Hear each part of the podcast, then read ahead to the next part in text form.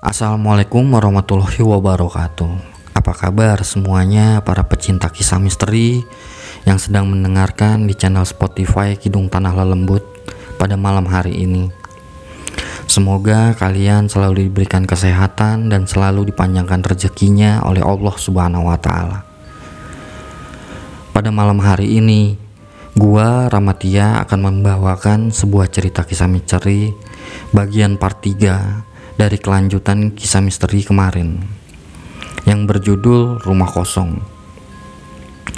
Tapi sebelum gua lanjut ke ceritanya, gua minta buat semua para pendengar kisah misteri pada malam hari ini. Sebelum mendengarkan kisah misteri pada malam hari ini, gue minta kalian pada berdoa dan pasang headphonenya, cari posisi yang nyaman, dan selamat mendengarkan.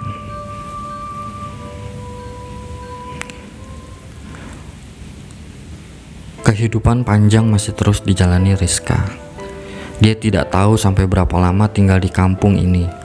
Walaupun Rizka merasa tenang tanpa kehadiran mertuanya, tapi tidak dipungkiri ada rasa sepi yang dirasakannya. Apalagi para tetangga banyak yang bertanya, kenapa mertuanya tidak pernah sekalipun datang menjenguk. Rizka hanya bisa tersenyum, kecut, tanpa menjawab apa-apa. Baginya cukuplah dia menderita selama di rumah mertua. Kini Rizka menginginkan ketenangan. Kesibukan akan rumah yang baru ditempati membuat Rizka melupakan penderitaannya. Membersihkan rumah tidak sehari saja, tapi sampai rumah itu bersih dan terang baru Rizka bisa bersantai. Setelah membersihkan seluruh bagian dalam rumah, dilanjutkan bagian depan termasuk halaman yang banyak semak belukar, serta dua pohon yang lebat daunnya. Berbekal parang, yang dipinjam tetangga, Hendra segera memotong dahan-dahan dan batang pohon hingga ramping. Rizka turut membantu menyabuti rumput dan menebas ilalang dengan arit. Kesibukan mereka menarik perhatian tetangga, hingga ada beberapa tetangga yang ikut membantu mengumpul dahan dan batang pohon. Kemudian meminta izin Hendra untuk membawa dahan pohon itu ke rumah mereka. Para warga di kampung ini masih ada yang masak memakai tungku dan kayu sebagai bahan bakarnya. Bahkan beberapa rumah terlihat banyak tumpukan kayu di belakang rumahnya. Rizka merasa senang dapat membantu warga di sini dengan kayu hasil pembersihan rumah yang ditempatinya. Butuh sekitar dua hari untuk membersihkan halaman rumah, walaupun sangat capek.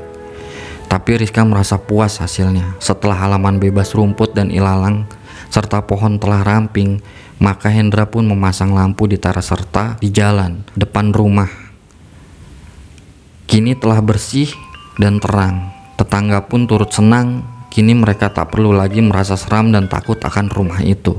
Kesibukan yang terus-menerus dialamin Rizka hingga dia kecapean membuatnya mengalami pendarahan. Rizka tidak menyadari manakala saat itu dia bersama suami sedang berada di luar. Menemui seseorang tabib, Rizka dan Hendra berencana ingin berobat supaya bisa memiliki momongan.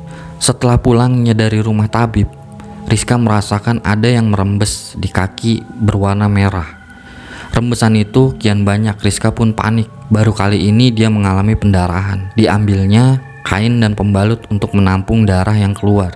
Tapi kain dan pembalut tidak bisa menampung deras darah yang keluar. Hingga berlapis-lapis kain dan pembalut dikenakan Rizka. Dia jadi hanya bisa berbaring karena jika dia bergerak maka darah akan semakin deras keluar. Akibat banyaknya darah yang keluar, Rizka merasakan sakit yang luar biasa di kepala dan perut bagian bawahnya. Mas, kepala adik sakit sekali. Erang Rizka mengadu. Bentar ya, mas belikan obat dulu, saut Hendra segera pergi ke warung. Hingga tiga hari Rizka minum obat, sakit kepala tetap tidak menyembuhkan sakitnya. Maka Hendra inisiatif supaya Rizka dibekam di bagian kepala dan tidak lupa minum herbal habatus sauda. Mas, Kepala adik masih sakit. Udah nggak tahan.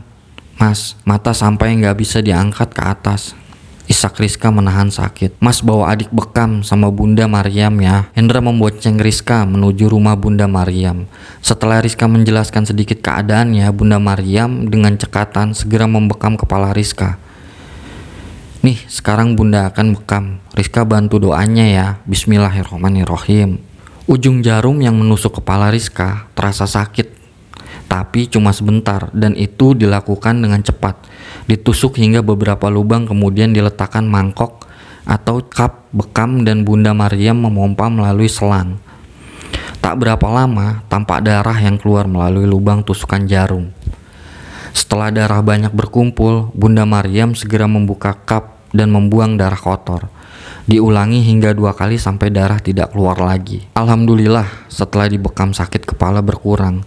Selain bekam, Rizka juga meminum herbal untuk membersihkan pendarahan di bagian rahim. Herbal itu sungguh ampuh. Setiap Rizka buang air kecil, banyak kumpalan darah keluar melalui rahimnya. Di balik menahan rasa sakit akibat pendarahan, ada sedikit kegelisahan Rizka.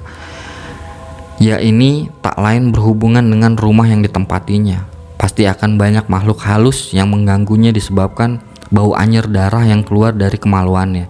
Apalagi Rizka tidak bisa mengerjakan sholat dan amalan lainnya yang bisa dilakukan cuma zikir dan berdoa. Hingga suatu malam, apa yang ditakutkan Rizka terjadi. Selama ini Rizka dan Hendra tidur di ruang tengah depan TV. Hendra tidak mau tidur di kamar. Jadilah mereka hanya tidur beralaskan kasur yang masih dilapisin plastik. Dan untungnya saja, karena adanya plastik, itu darah yang keluar tidak mengotori kasur. Malam itu selesai makan dan sempat menonton TV sebentar. Rizka yang beberapa hari terlalu kelelahan, mudah mengantuk, Rizka pun tidur duluan, kemudian disusul suaminya setelah Hendra memastikan rumah terkunci semua dan dalam keadaan aman. Rizka langsung terbuai dalam mimpi dan tidak tahu jam berapa dalam posisi tidur miring ke kanan Rizka tiba-tiba terbangun manakala dia merasa ada sesuatu yang membelai dan mengelus kakinya. Duh, Gusti Allah, siapa yang mengelus kakiku? Batin Rizka kaget dan takut, ingin melihat ke arah kakinya karena penasaran tapi diurungkan. Rizka tidak berani bergerak dan pura-pura tidur sambil terus berzikir dalam hati supaya sosok yang mengganggunya itu segera pergi. Rizka juga tidak ingin membangunkan suaminya yang tidur berbaring di depannya. Begitu keadaan Rizka sehingga beberapa menit sembari membaca doa dan zikir walau dalam hati penasaran siapa sosok itu sebenarnya. Tapi Rizka tak ingin mendapat gangguan yang lebih lama lagi. Ditahan dan disabarkan hatinya. Duh Gusti, Siapa pun itu cepatlah pergi batin Rizka. Setelah tak dirasakan belayan di kakinya lagi, Rizka mencoba tidur kembali walaupun tidur-tidur ayam karena masih ragu jikalau sosok itu datang lagi mengganggu. Tak lama kemudian Rizka pun terlelap. Seperti biasa, ajan subuh membangunkan suami istri itu untuk segera menjalankan tugasnya sebagai hamba Allah. Rizka bangun dalam keadaan segar, karena hanya Hendra yang salat, maka Rizka segera menepuk bahu dan mengelus lembut pipi laki-laki yang sudah puluhan tahun menikahinya. Mas, bangun sayang, sholat subuh. Tuh, udah ajan di musola.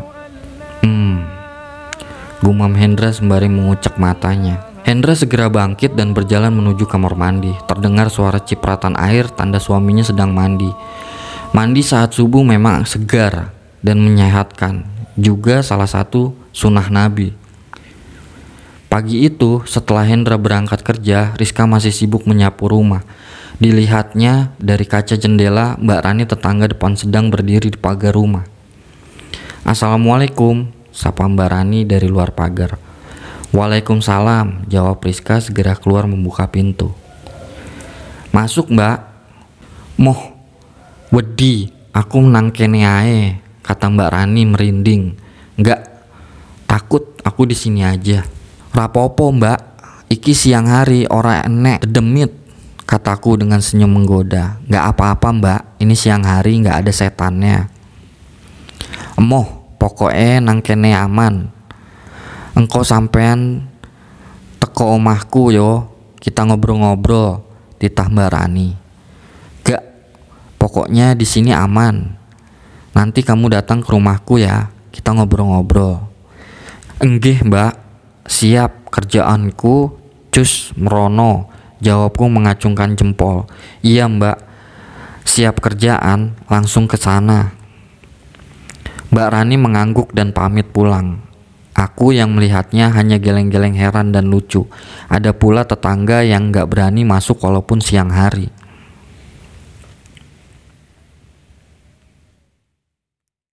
Oke, Untuk cerita part ketiganya sampai di sini dulu dan ditunggu part keempat dari cerita kelanjutan rumah kosong ini. Dan buat para pecinta kisah misteri, pantengin terus Kidung Tanah Lembut di channel Spotify ini. Dan selalu dukung dan support kami dengan follow Spotify Kidung Tanah Lembut. Bagi yang belum follow, monggo di follow. Dan bagi yang sudah bergabung dan support kami, gue sangat mengucapkan banyak terima kasih dan semoga para pecinta misteri dibalas kebaikannya oleh Allah Subhanahu wa Ta'ala pada malam hari ini. Assalamualaikum warahmatullahi wabarakatuh.